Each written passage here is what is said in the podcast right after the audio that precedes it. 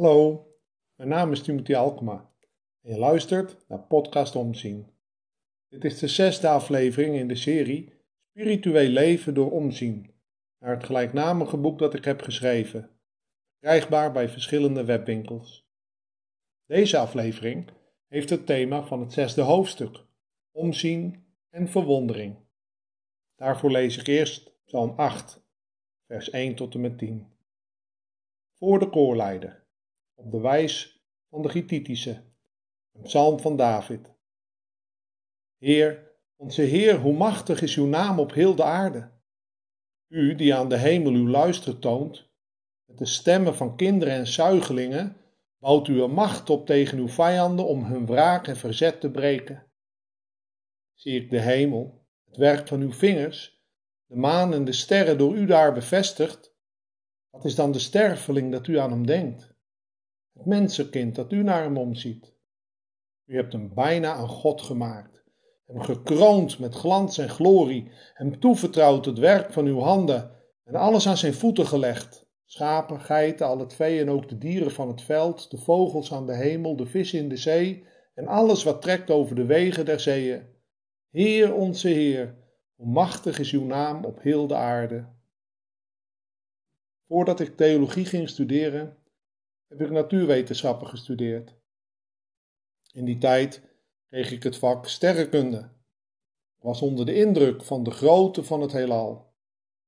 Het universum is zo groot dat ik begon te twijfelen aan het bestaan van God. Mijn reactie was dus heel anders dan die van David in Psalm 8.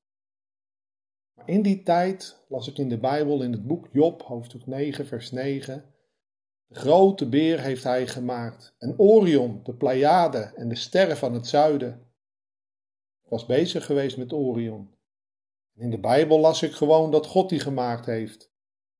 Dat maakte dat ik mijn geloof in het bestaan van God niet heb losgelaten. Heb jij twijfels over het bestaan van God? Als tiener, puber en jongvolwassene twijfelde ik aan de goedheid van God. Want waarom is er lijden in de wereld als God liefdevol en almachtig is? Door lijden in mijn gezin kwam God bij mij in het beklaagde bankje te zitten. Een helpende gedachte vind ik: geduld met anderen is liefde. Geduld met jezelf is hoop. Geduld met God is geloof. Hoe ga jij met lijden om? Net als David kan ik nu onder de indruk komen Wanneer ik naar iets kijk dat zoveel groter is dan ik zelf ben, zoals de zee. Die beleving heb ik ook wel eens in de bergen gehad. Grootheid en schoonheid doen mij dan aan God denken. De schepping weerspiegelt voor mij de grootheid van God. Door wat voor grote dingen raak jij onder de indruk? Wanneer we naar de sterren kijken, dan kun je jezelf klein voelen.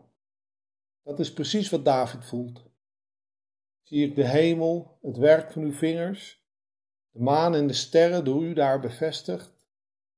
Wat is dan de sterveling dat u aan hem denkt, mensenkind dat u naar hem omziet? Ken je zelf ook die gedachte? Wie ben ik dat God aan mij denkt? David weet dat God zijn grootheid niet alleen toont in grote dingen, maar ook door de stemmen van kinderen en zuigelingen die ooit de geboorte van een baby heeft meegemaakt, kan beamen dat dit nieuwe leven een wonder is.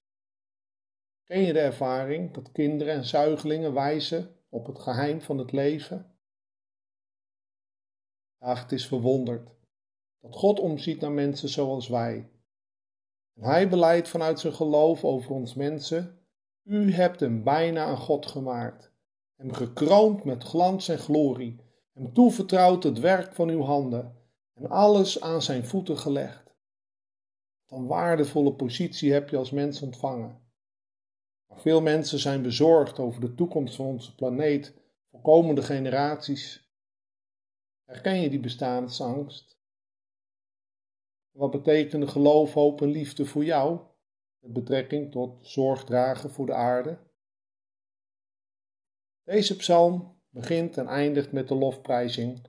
Heer onze Heer, hoe machtig is uw naam op heel de aarde. Verwondering ontstaat door grote en kleine dingen in het leven.